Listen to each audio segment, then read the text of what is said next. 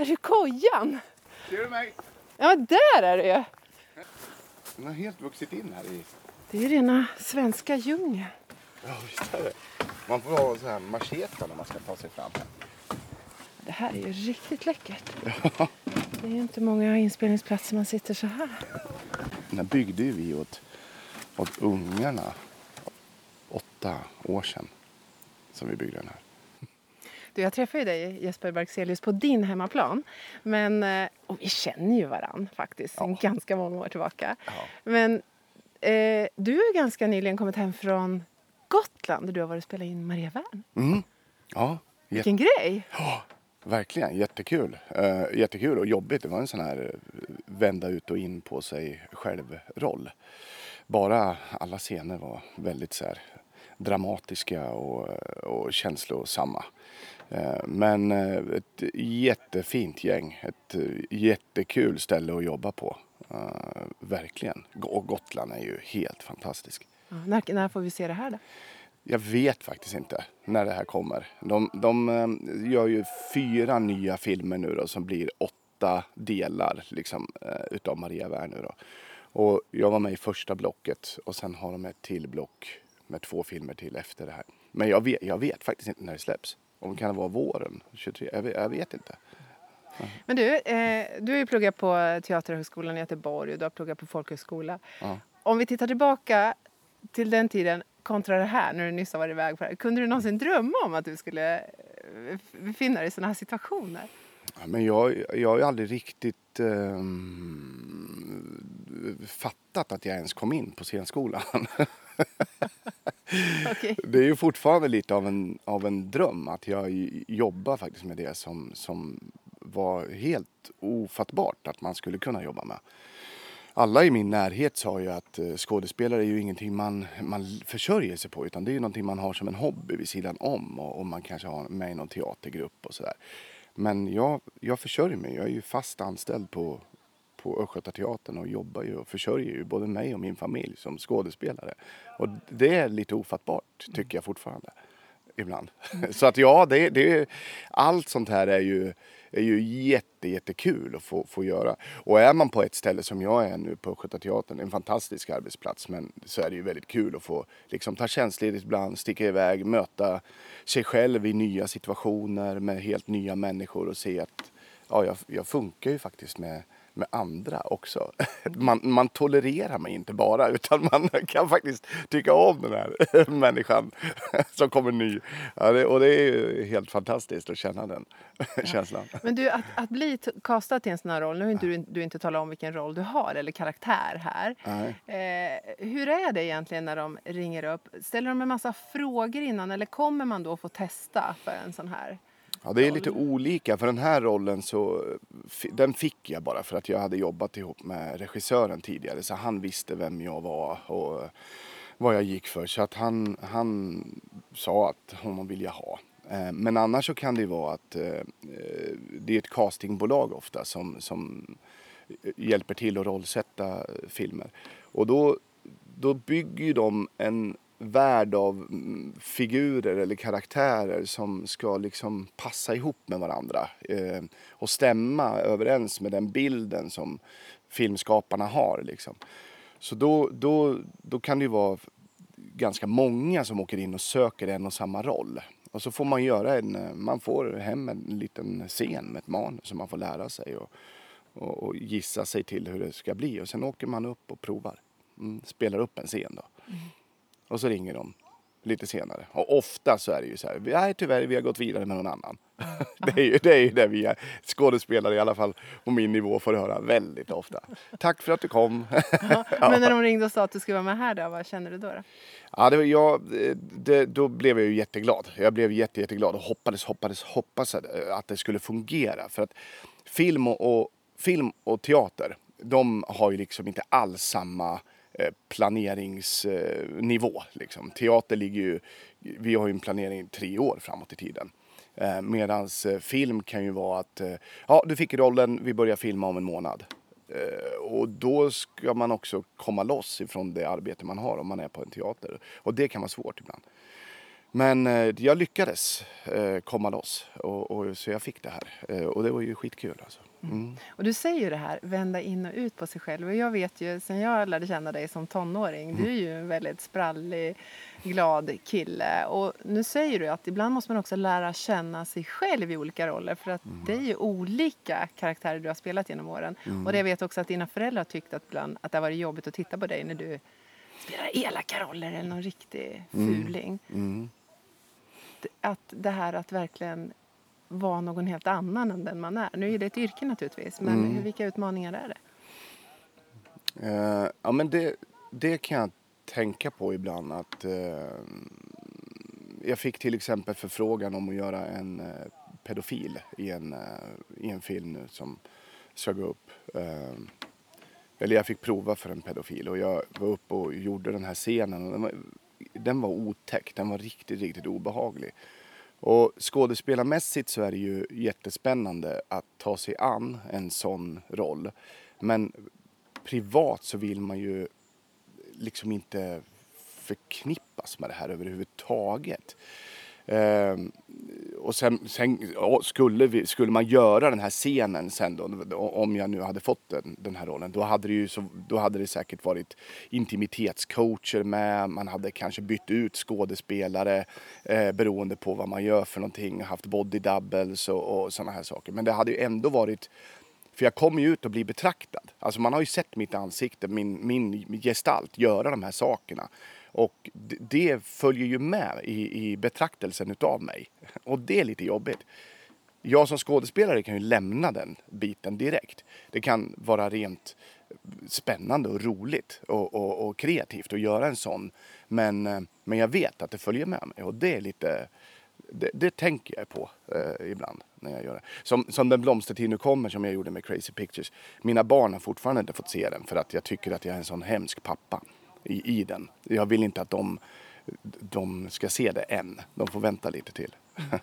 Och just Crazy Pictures, det har ju också varit en utmaning. Det är ett, ett ungt gäng som jobbar med film och som Ja. vill framåt och som också har eh, ja, Guldbaggegalan var du med på. Mm. Ja, Vi fick ju guld, eller vi fick ju något pris där, eller de fick ju för, för bästa nykomling. ja, Blev nominerade i flera eh, kategorier men eh, vi, de, fick något bästa nykomling eller något sånt där. Ja men och de har ju varit, eh, de har ju varit fantastiska för mig. Eh, Det har ju varit liksom som en eh, nästan som en, en filmskola för, för mig att få jobba med dem. Och, och, som, och har öppnat en del dörrar. Deras, vårat samarbete har ju öppnat för andra saker. Gåsmamman och Heder och nu det här Tårtgeneralen. Och, ja. just det. mm. Eh, vad är det de gör då som gör att du fortfarande känner att du, har- att du har saker att lära? De jobbar så himla eh, djupt med allt i filmen. Eh, de är ju fem killar, det är ett kollektiv som, som är intresserade av varenda liten del av filmskapandet.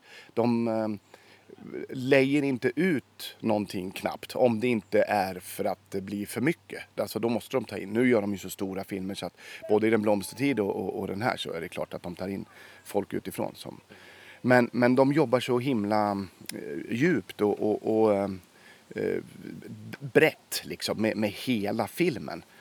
Jag vet vi gjorde en scen och det här är ju filmnördigt nu då så, så nu kan ni zooma ut ni som inte tycker det är så intressant.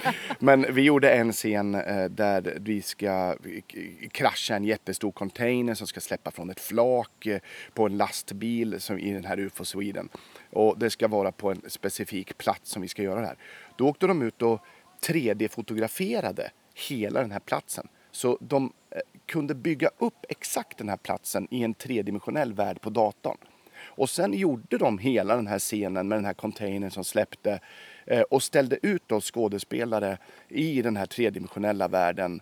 Eh, så de gjorde hela scenen först i en tredimensionell värld i datorn. Och sen så åkte vi dit och då var det exakt de avstånden till träden som det hade varit i datorn.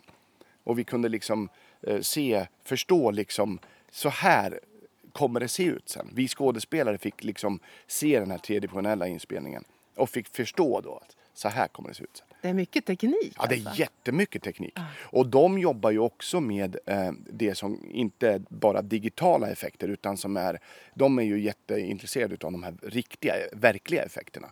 Att, att containern faktiskt på riktigt rullar av den här lastbilen och studsar ner. Så de jobbar jättemycket med sånt också. Men du, du hade ju en av huvudrollerna i Den blomstertid nu kommer och nu är det UFO som vi väntar på här då. Ja, Eh, den går upp här snart i höst va? mm, eh, ja i eh, jul, eh, på eh, juldagen. Juldagen. Mm. Vad, får du säga någonting om den? Vad, vad har du för roll där? Eh, där, ja, men det kan jag göra. Jag, kan, eh, jag, jag spelar ordförande i eh, UFO Sweden då, som är en eh, förening som, som eh, tar in rapporter och, om, om saker som folk har sett på, på himlen. Och sen ta reda på vad det faktiskt är. Precis som UFO Sverige jobbar. Eh, de får rapporter och så tar de reda på vad var det för någonting. Och ofta så kan de säga att ja, det var månen eller det var en meteor eller det var ja, ett flygplan. Mm. och det är det ju till 99 procent av fallen. Och så är det även i den här föreningen. Förutom en dag så kommer Denise in ramlande eh, och säger att jag tror jag har hittat ett spår. Och hon letar efter sin pappa som är försvunnen. Och de säger, vad har det med oss att göra? Ja, ni vet nog, säger hon. Och sen så börjar en film. Ja, sen ska jag inte säga så mycket mer. Nej. Nej, men det blir sökandet efter hennes pappa och eh, ja, eh, det är ju en sci-fi så att ja. Men du, eh, nu, du pratar ju så mycket om, om teknik nu. Jag vet att du har jobbat lite med stunts också så här, eller stunts, vad säger ni? ja stunt. Eh, när du ser filmerna, Ja. Har du samma upplevelse då som när du jobbar med dem? Är det det, det du upplever, är det det vi ser? Eller är känslan en annan? När produktionen är klar? Eh, Jag, jag vet vi skulle springa genom ett stort så här, parkeringsgarage nu i, i eh, höstas här i UFO Sweden. Och jag sprang något så in i helsike fort. Jag tänkte fan vad snabb jag är. Alltså jädrar vad jag kan springa. Jag skulle kunna ha blivit sprint. Sen när jag fick se det här på film så gick det inte alls så fort som det gjorde i mitt huvud. Då blev du nästan lite besviken. Ja, jag blev lite besviken. Fan, jag, såg, jag såg mycket tuffare ut i mitt huvud än vad jag gjorde på film. Eh, Nej, men alltså jo, i, i, i mångt och mycket så, så, så stämmer det ganska bra med, med det, vi, det jag tänker att det ska bli. Men det är svårt att se sig själv. Jag, jag, jag kan inte se filmen när jag tittar på den första gången. Jag ser ju bara mig själv, Mm, vad jag gör för något och hur jag borde göra. Sådär. Ja.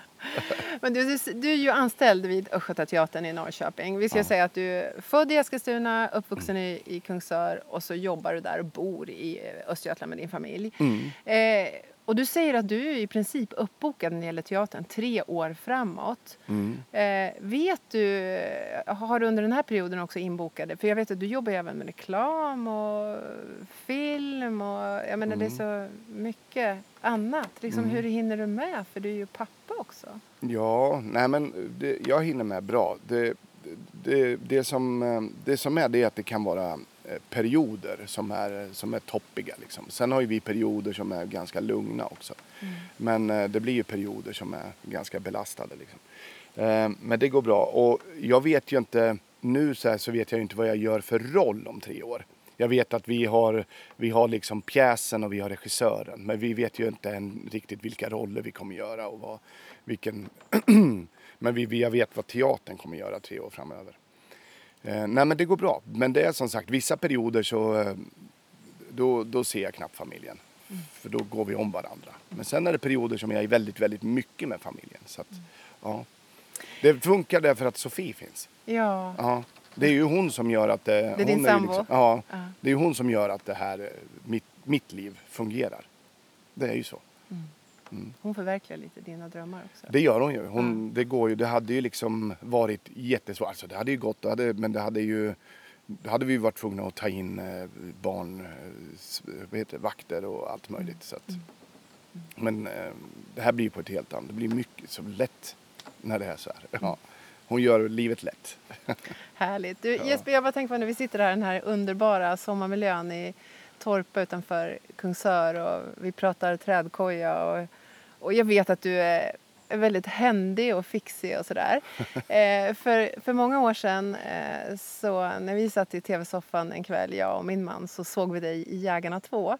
Eh, tillsammans du spelar med Peter Stormare och, och Lassgård och så här. Då var det helt overkligt när jag tänker att jag ser dig springa på Laggårdsbacken här och sen så är du i in action med de här grabbarna. Ja. Hur var det? Blir man starstruck då, eller hur? Ja, gud ja. ja men jag var ju jättestarstruck när jag träffade Stormare och Lastgård. Lastgård. Alltså verkligen. Eh, Sådär så att jag blev... Eh, nej, jag vet, ja, nej, ja, det är nästan genant. Jag skulle, vara så, jag skulle försöka vara avslappnad och lite cool och så blir det liksom fel. Det, jag, nej, det var, ja, det var pins, jag blev pinsam. Eh, först. Sen går det ju över efter en stund när man har jobbat en stund. Ja. Men äh, ja, jag blir, jag blir starstruck, jättestarstruck. Har, har, du något speciellt minne från det där? Då? För jag tänker att det ändå blir en del omtagningar både för dem och för dig och de andra gängen. Ja, absolut. Jag, jag har ett minne när eh, kameran hade legat på mig. Det var en scen. Alltså jag har ju jag har en filosofi att, att man, när, när, man gör teater så, eller när man, ja, när man gör teater så är man ju i samma rum allihopa. Det går liksom inte att zooma ut. Det alla tittar på alla skådespelarna samtidigt. Men i film så riktar du kameran åt olika håll. Men du, din motspelare är ju fortfarande i samma rum. Så du som skådespelare får ju inte zooma ut bara för att inte kameran är riktad på dig. Liksom. Utan du ska ju spela och ge din motspelare samma motstånd som om det satt en publik och tittade. Det är min filosofi. Men så hade jag zoomat ut eh, i alla fall. Kameran hade varit riktad på mig och jag kunde slappna av lite grann. Och nu riktades den mot Rolf Lassgård och han drar igång med sin scen. Och jag är helt borta. Det bara... Och så tänker jag så här, vad tyst det är. Och så kollar jag upp och tittar rakt in i Rolfs ögon och han bara spänner blicken i mig. Då är det ju min replik. Och jag är bara helt borta. Och förlåt! Um, alltså drog jag igång med min, min replik och så fortsatte vi scenen. Och så efteråt så gick jag fram till Rolf och sa du förlåt det där ska inte hända igen. Sa jag till honom så här. Nej det är bra, sa han bara. Han var inte arg, han var bara liksom bestämd och sådär. Han såg jag var ung och hade liksom, han, har ju, han är ju väldigt ödmjuk liksom. Och snäll, men bestämd. Ja. Så jag, jag, gjorde inte om det. jag zoomade inte ut något mera. jag var där hela tiden.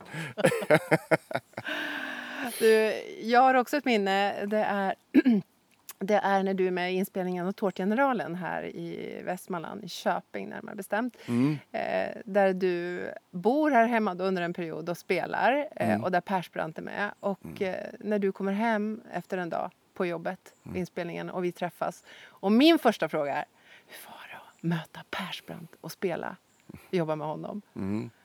Persbrandt är ju så otroligt känd. Ehm, så alla, alla, alla känner igen honom. Och vi spelade in på, eh, vid kanalen mitt i centrala Köping. Eh, vilket gjorde att han eh, var ju liksom, för att kunna koncentrera sig på sin arbetsuppgift var ju han tvungen att hålla sig lite så här hemlig eh, och, och, och, hade assistenter som såg till att han fick vara i fred från folk som passerade sådär. Men ändå var det ju massa som bara Persbrandt, tja, tja och så gapade och ville eh, sådär. Du, hur var det att spela lite på hemmaplan? Var det? Ja, det, var ju, det var ju kul. Jag fick ju vara dialektcoach till många av skådespelarna i, i, i den. Västmanländskan. Ja, och Filip Hammar och jag, vi, vi är ju gamla klass eller skolkamrater. Eh, och, och han, han ringde ju upp, eller han skickade ett sms. Får min kastare höra av sig till dig? Vi, vi ska göra en film som utspelar sig i Köping. Och jag trodde inte det var han. Alltså, vi har ju inte hört på hur länge som helst. Han, han och jag, vi var ju lite rivaler om samma tjej då på den tiden också. Mm -hmm. Så han snodde ju min tjej och jag var jävligt arg på honom. Ja, det var jag. Jag var arg som fan på honom. och sa väl att du ska ge fan i min tjej. Um, fick han henne? Ja, han fick henne. Men jag tror... Jo, han fick henne. De var tillsammans rätt länge. Ja. Mm, jo, det var de. Uh, ja, så att han, han vann ju. Ja. Är ni vänner idag då?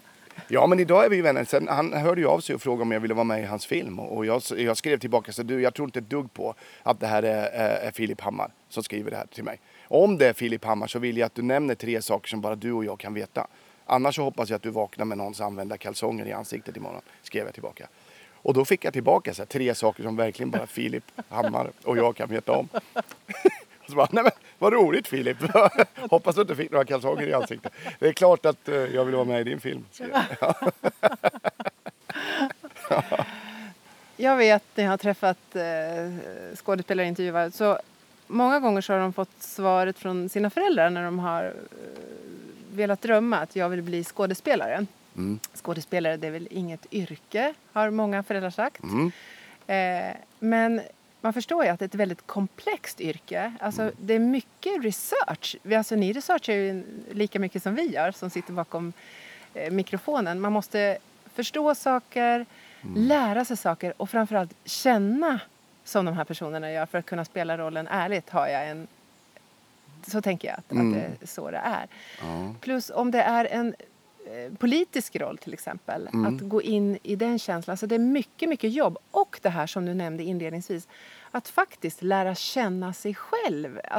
Alltså rent psykologiskt så är det ju så många bitar i att vara Mm. skådespelare. ja. Det är inte bara att stå där, Nej, läsa repliker. nej det är det inte. Och sen ska du också handskas med allt som alla tycker om dig hela tiden.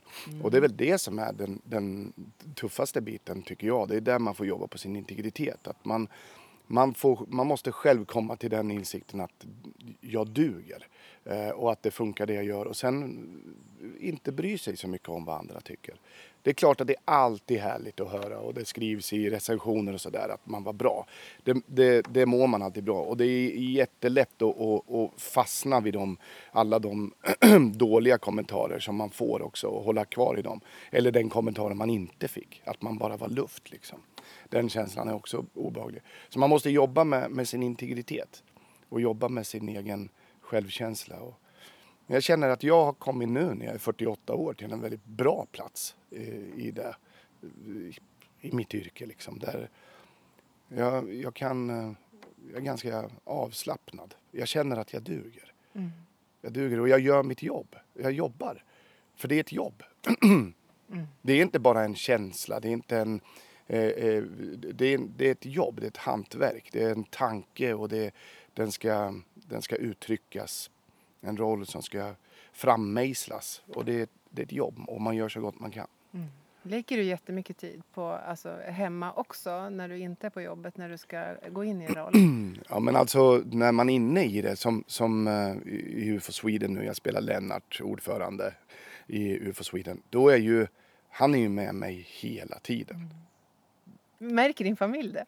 Ja, det kan de göra. Alltså jag blir ju disträ och ofta så, så jag pratar inte så mycket om vad jag gör eller mitt jobb eller så. Men det pågår ju hela tiden inne i huvudet på mig. Jag diskuterar väldigt lite. Tycker ni att jag ska göra så här? Ska jag göra så här? Tänk, kan man tänka så här? Jag, jag sköter den med mig själv och min regissör såklart. Där, där är det på jobbet. Men sen pågår ju hela tiden arbetet inne i skallen. Jag tänker barnen då, förstår de det här när pappa är disträ och inte riktigt närvarande? Ja, de kanske? är ju vana. De är vana. Ja. Men jag är ju disträ. Alltså jag är ju disträ. Jag är ju disträ från början. Så skillnaden kanske inte är så stor. Jag har ju alltid varit uppe i mitt eget huvud i det blå och tittat och funderat och flugit ut genom klassrumsfönstret och tänkt på någonting helt annat. Ja, så har det ju alltid varit. Men om man är disträ då som person, hur är det då när man har en viss period att jobba med en roll och så samtidigt så har man ju sitt privata liv som måste rulla på. Mm. Tar det, tar det mycket, alltså både av dig som person men också i din relation med din sambo och så? Det var nog värre, värre förr. Det har blivit bättre tycker jag. Jag tycker att jag kan, jag tycker att jag kan skilja lite på, på jobb och, och, och privatliv nu och, och liksom fokusera och koncentrera mig. Men sen är det ju också så att mina, mina dagar kan ju vara... Jag kan ju vara ensam hemma ganska många timmar för att jag jobbar kvällar. Och barnen är i skolan och Sofia är på jobbet. Sen har vi några timmar innan jag sticker. Så jag kan ju liksom ha, ha redan fått den tiden eh, då jag har fnulat och tänkt liksom och varit disträ. Och sen så kan jag koncentrera mig en stund. Men bara så här om vi ska bara dra en eh, eh, lite vad du, vad du har gjort genom åren sedan du blev färdig. För som anställd då, då rullar det på med olika föreställningar på teatern. Mm. Vilka är det som har fastnat hos dig? Genom åren? Ja. ja, men då är det ju Trollkarlen från Oz. Det är ju det jag spelar Lejonet. Är Helt fantastiskt. Jätterolig föreställning. Med, allt var bra i den.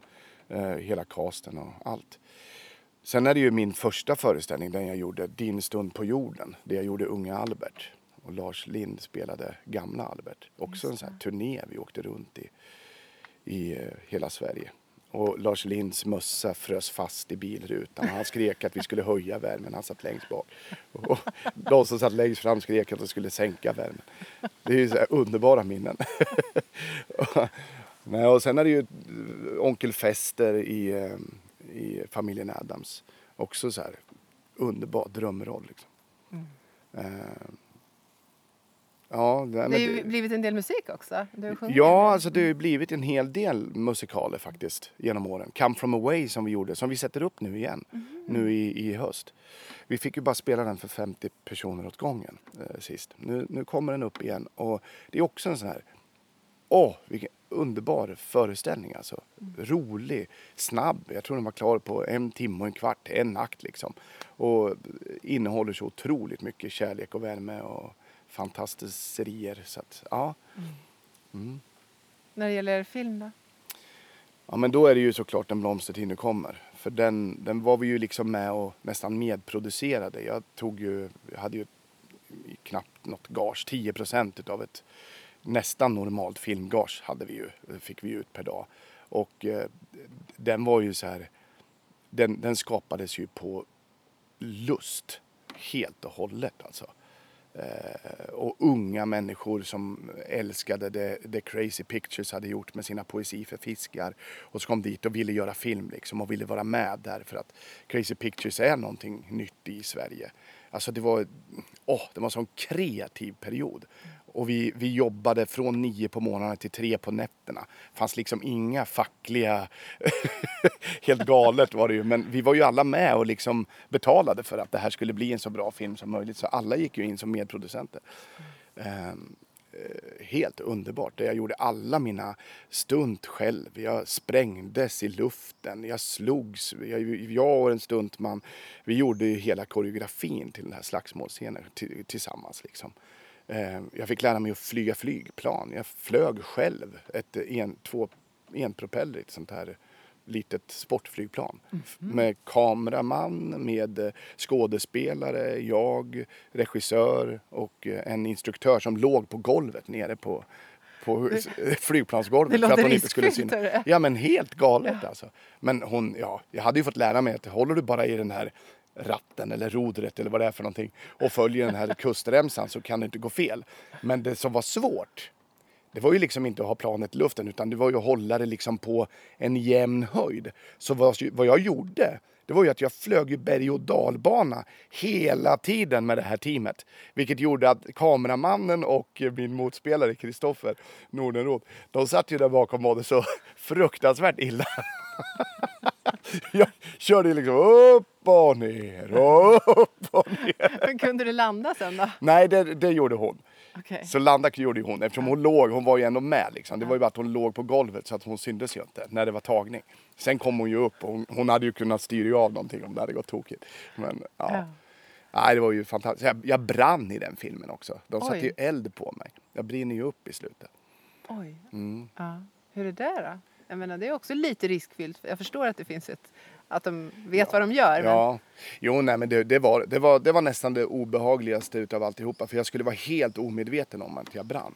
Jag skulle sitta som i min egen värld, eller karaktären då, Björn, skulle vara som i sin egen värld. Och nostalgisk och titta tillbaka på en gitarr som han har gjort åt sin son. Och, sen inte vara medveten om att han håller på förtärs av lågorna liksom. Så det var svårt att spela den, den, det lugnet i den här gitarren och bara ligga i det här minnet utav min son. Och samtidigt så kom de och satte eld på mig. De hade smetat in mig med lite så här eldgäll på olika ställen. Och så satte de igång det här och så började det brinna. Och så brann det mer och mer och mer och så brann det runt omkring mig. Och sen så fick jag gå, springa ut då. Visste din familj att du skulle göra det här? Ja, men det visste de. Det hade jag sagt att ja, jag kommer försöka göra alla stunt själva. Så, ja. så det, ja. ja. Så Den blomstertid är ju liksom, den är ju verkligen. Och så nu det UFO också har varit helt fantastiskt roligt att göra. Ja. UFO mm. Och så sitter du här uppe mm. i en trädkoja nu och har firat midsommar med din familj. Det är ju kontrasternas kontraster egentligen. Att spela en roll och att vara sig själv. Ja. Vad, hur känner du att komma hem? För det här är ju verkligen att komma hem för dig. Ja, men jag har märkt att jag har ju lite, jag har ju lite problem med sömnen. Och efter min sista inspelningsdag med Maria Värd, då var det som att där, då gick jag på semester. Jag har sovit så himla gött. Jag har somnat och jag har liksom sovit hela natten och sen har jag vaknat. Så att det är ju, det, antagligen jobbar jag ju hela tiden liksom, med, med saker och ting. Och nu när jag, inte, när jag inte jobbar, nu har jag inte en tanke på jobb. Alltså jag tänker inte en sekund på jobb överhuvudtaget just nu. Så det betyder mycket att komma hem. Ja, det betyder jättemycket. Och få släppa och veta att nu är det släppt, nu är det klart. Jag hade min sista dag med eh, Crazy Pictures för en vecka sedan. De hade lite kompletteringsbilder och de har sagt att du måste spara mustaschen Jeppe, spara mustaschen. Jag hatar den här mustaschen. Så här, spara mustaschen, ja, ja, jag ska spara mustaschen. Och sen när vi var klara, är vi klara nu? Mm. Var det här min sista dag? Ja, som, som det, ja, det här var nog absolut din sista dag. Och då började vi i augusti förra året. Då gick jag ut och så tog jag en trimmer och så bara körde jag av den här mustaschen. så nu är det, då, då var det liksom ingen chans att kalla in mig. Ja, då får de vänta. ja, nu får jag. Växa ut. Ja, du, du har ju sett, eh, vi har ju sett dig i lite olika privata skepnader genom åren. Ja, jag privat. Jag är ju aldrig privat. Jag Nej. får ju aldrig se. Nu är jag väl... Nej, jag är inte ens privat nu. Nej, men det jag menar att du, ibland när vi har träffats, ja, men då är det långt hår eller så har du jättekort hår eller så har du mu- mustasch. Då, Ja, ja, man ja. får leva med det där även i privatlivet. Ja, men Sofie, det är ju spännande för henne. Hon vet ju aldrig vad hon är ihop med för karl. Hon har ju fått byta många gånger. Nej, man lär ju aldrig tröttna på sig själv, eller? Ja, jo, men alltså när jag har mustasch då tröttnar jag direkt. Jag klarar inte av att se mig själv i spegeln när jag har mustasch. Jag hatar det. Ja, men vad ser du då? Ja, men jag ser, jag ser det. Jag, jag, för det första ser jag så himla gammal ut, eh, tycker jag. jag ser, eh, och så har jag försvinnande haka och det blir liksom så mycket... Mustaschen bygger på här uppe och så försvinner hakan. Det, jag ser ut som en valross eller något. Jag vet inte, jag trivs inte med det. Jag vill ha skägg, det, det tycker jag om. Helskägg. Du, ehm, vilken är drömrollen? Åh, det där har jag fått, den frågan har jag fått så många gånger. Och vet du, jag har, jag kan inte svara på den. Mina drömroller har alltid uppstått när jag har gjort dem. Jag har ingen drömroll längre. Jag har liksom inte, jag har haft så här tankar på att åh, det där skulle ju vara en dröm att få göra den. Men sen är det alltid så här att eh, beroende på vad du har för regissör eller vad, vad liksom det konstnärliga teamet har för avsikt med föreställningen så kan liksom eh, intentionerna med rollen förändras väldigt mycket. Ehm, så jag har faktiskt ingen drömroll, har aldrig haft. Utan det har, de, har, de har kommit. Jag kan inte se tillbaka och se att det där blev en drömroll och det där blev en drömroll. Och så när man är i det och man känner att det flyter och vi jobbar på som Rampfeber till exempel. Som den här fantastiska eh, komedin, eh, farsen. Eh, baklängesfarsen, eller helt galen. Där upptäcker jag ju under tiden att det här, och det här flytet, när liksom det svarar i publiken och det svarar på scenen, och det, då är det ju en drömroll. Då är vi ju där liksom. Så drömrollen har uppstått liksom. Men du, du beskrev ju det här med Lassgård när, när du ja, får en blackout där för Mm. en liten stund. Eh, det, det kan vi faktiskt ta om. Men hur är det då när man möter publiken? Och, har du fått någon blackout någon gång? I så att säga din direktsändning? Alltså, ja, jo då. det har jag ju i, i eh, film eller på teater. Nej, på teatern. På jag. teatern, ja. Jo, men det har hänt eh, att jag inte kommer ihåg vad jag ska säga. Blackout har jag väl inte fått någon gång, för det, det har jag hört är fruktansvärt. Då kommer man ju inte igång fast man får hjälp. Vi har ju oftast en eh, sufflös ja. som sitter och hjälper oss. Ehm, I Come From Away så, så, så har man ju liksom... Det utspelar sig ju under sju dagar eller något sånt här på, på en flygplats i Gander eh, i Newfoundland. Där kommer ju vi in och så säger vi ju eh, 07.22 tisdag och så börjar scenen liksom. För att vi har som tidsmarkeringar hela tidsmarkörer. Så. De här jädra klockslagen och dagarna, de var helt omöjliga att komma ihåg. Jag hade ingen aning. Alltså jag kommer ihåg all min text, allt det här jag ska säga, sjunga, åka runt, vara på rätt ställe vid rätt tidpunkt. Men tid, det är helt kört. Så där fick sufflören sitta med stora skyltar in i sufflörbåset med tiden och dagen på. Så fort jag kom in så höjde hon den här skylten. Så jag tittade in i sufflörbåset och så bara 07.22, tisdag! och sen kunde jag köra. det var helt omöjligt för mig att komma ihåg de här dagarna. Ja.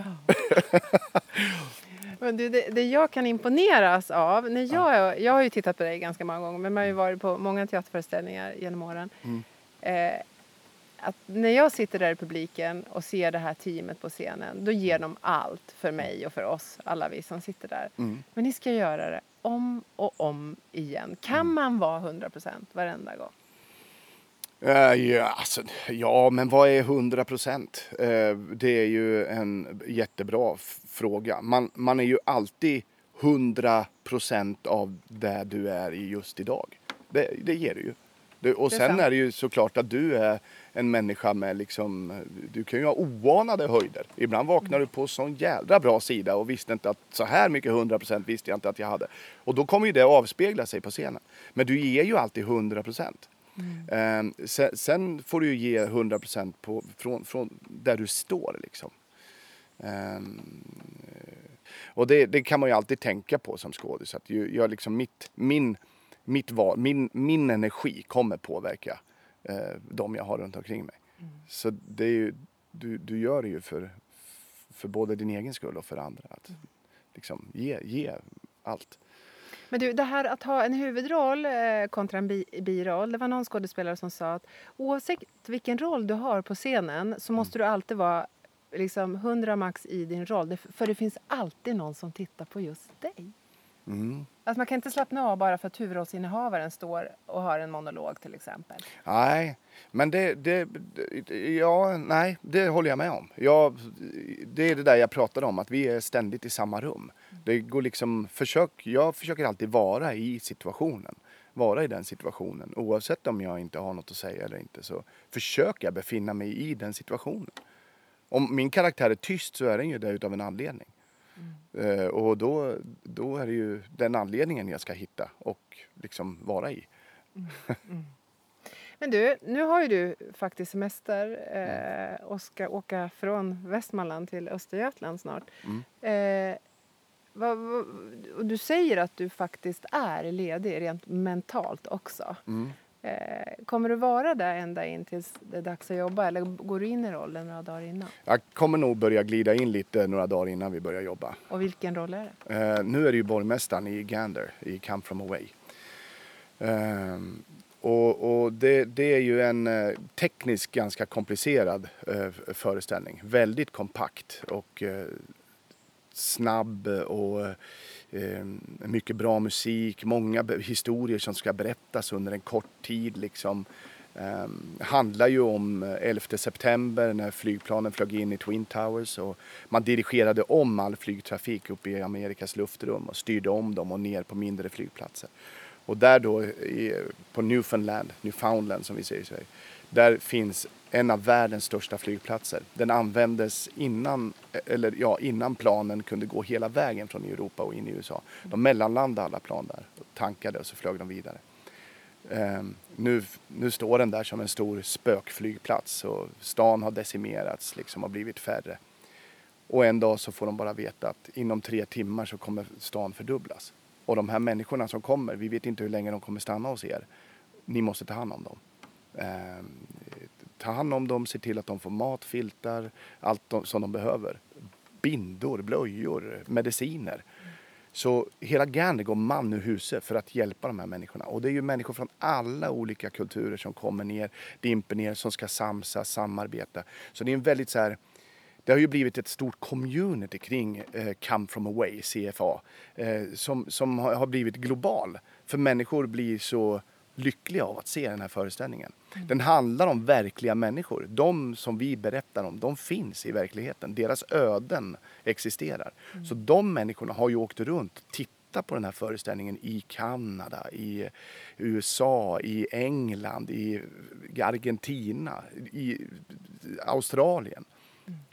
Det är jättespännande. Så jag kommer gå in några dagar innan och börja så här med musiken, lära mig den, sjunga upp den och, och, och titta på någon video kanske och se så här, just ja, det här var förflyttningarna vi gjorde där.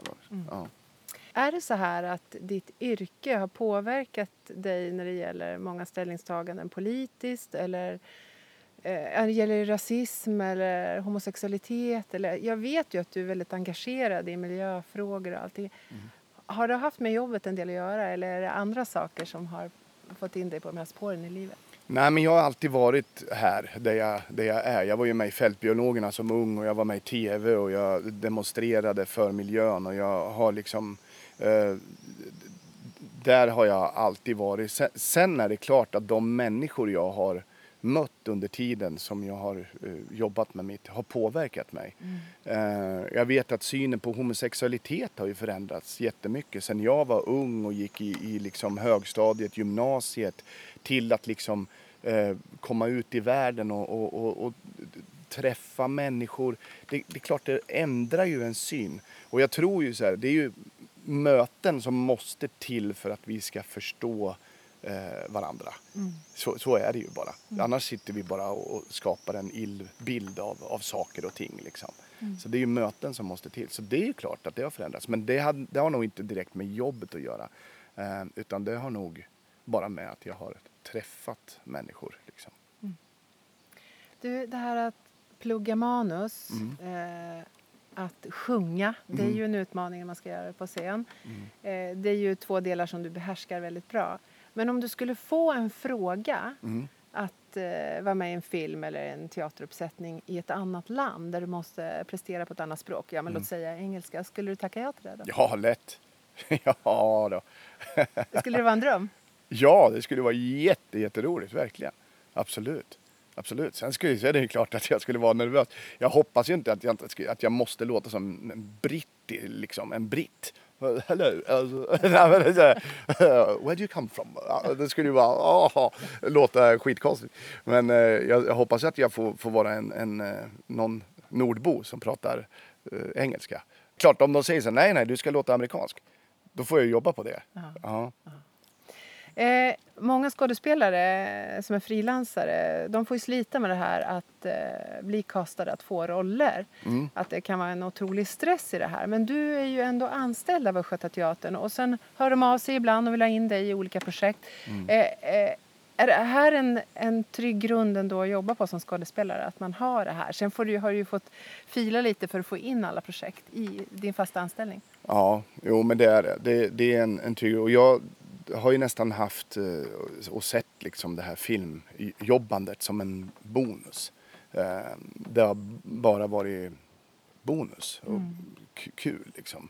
Eftersom jag inte har blåslampan på mig, liksom, att jag måste jaga jobben för att överleva. Mm. Jag har ju det. Den tryggheten finns ju. Jag hör ju att många kvinnor inom ditt yrke, det är svårare att få roller ju äldre man blir. Hur, hur är det för dig? Nu är inte du fyllt 50 än, Nej. men äh, har män samma stress? Nej, tvärtom. Jag tycker att det är lättare nu än vad det var förut. Ehm, faktiskt. Ehm, jag har nog jag har aldrig haft så här mycket att, att välja på som jag har nu. Det är ju helt underbart. Och jag, jag tänkte ju att det liksom det skulle bli krångligt. Um, för att det är, en, det är någonting som händer, vilket är bra. Så här är det ju att berättelserna vi berättar, de gör oss till de vi är. Om vi hela tiden sätter människor i en i en eh, form eh, och berättar om, om en grupp av människor på ett sätt som offer eller förövare eller så, då kommer vi titta på den här gruppen människor som offer eller förövare hela tiden. Om vi hela tiden placerar kvinnor i ett fack så kommer vi se på kvinnor på ett sätt som gör att vi liksom ger dem en, ett epitet och de får liksom en historia som de kanske själva inte har valt. Mm. Så berättelserna gör ju oss till de vi är. Och om vi ändrar på berättelserna, om vi till exempel ändrar, ta, ta Beck till exempel, så bara ändrar vi hela förutsättningarna och gör alla män till kvinnor och alla kvinnor till män. Så, så får vi ju liksom en helt annan rollfördelning och en helt annat, eh, jag menar, helt andra som kommer att anställas. Eh, och det här tror jag är på gång, det händer. Men jag trodde att det skulle ha kommit mycket längre. Jag mm. trodde inte att, att, jag, att, det, att jag skulle kunna jobba på så här nu som jag gör. Liksom. Men det, det går bra. Det låter härligt. Mm. Ja, det är jättekul. Två gånger tidigare har jag intervjuat dig för Sveriges Radios räkning. Mm. Första gången så, så började du skratta när vi började banda för du tyckte att det var en helt märklig situation att vi styr upp det här och ska göra ett jobb istället för att vi sitter och fikar i trädgården Ja. och garvar. Ja. Hur har det känts nu? Ja.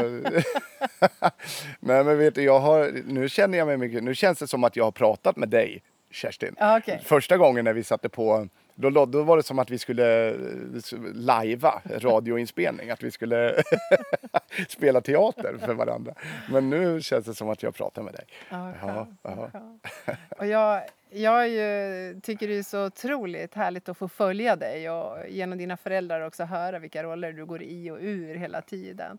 Men när jag träffar dig så är det ju som det alltid har varit. Ja, Eller hur? ja, Ja. ja verkligen. ja. Men du, det verkar som att du lever ditt drömliv. Jag hoppas bara att du får en underbar sommar. ja, tack. Tack, det tror jag jag får. Vi ska faktiskt hoppa in i bilen och åka ner till Kroatien om några dagar. Jaha, Ja. åh Det- vad härligt. Hela familjen. Ja, hela familjen. Det kan bli tufft Varmt. varmt. Ja, precis. Ja. Men vi får se. Vi har bokat hotell.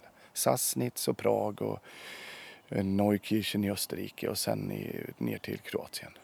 Vad härligt. Ja. Jag tycker nästan, ja, det var jättetrevligt att träffa dig men det var en väldigt udda inspelningsplats. Ja, men vad skönt det var Ja, här inne. hur? I Helt- skuggan under löven, Helt uppe eh, tre meter ovanför marken. Precis. Ja, Tack Jesper. ja tack.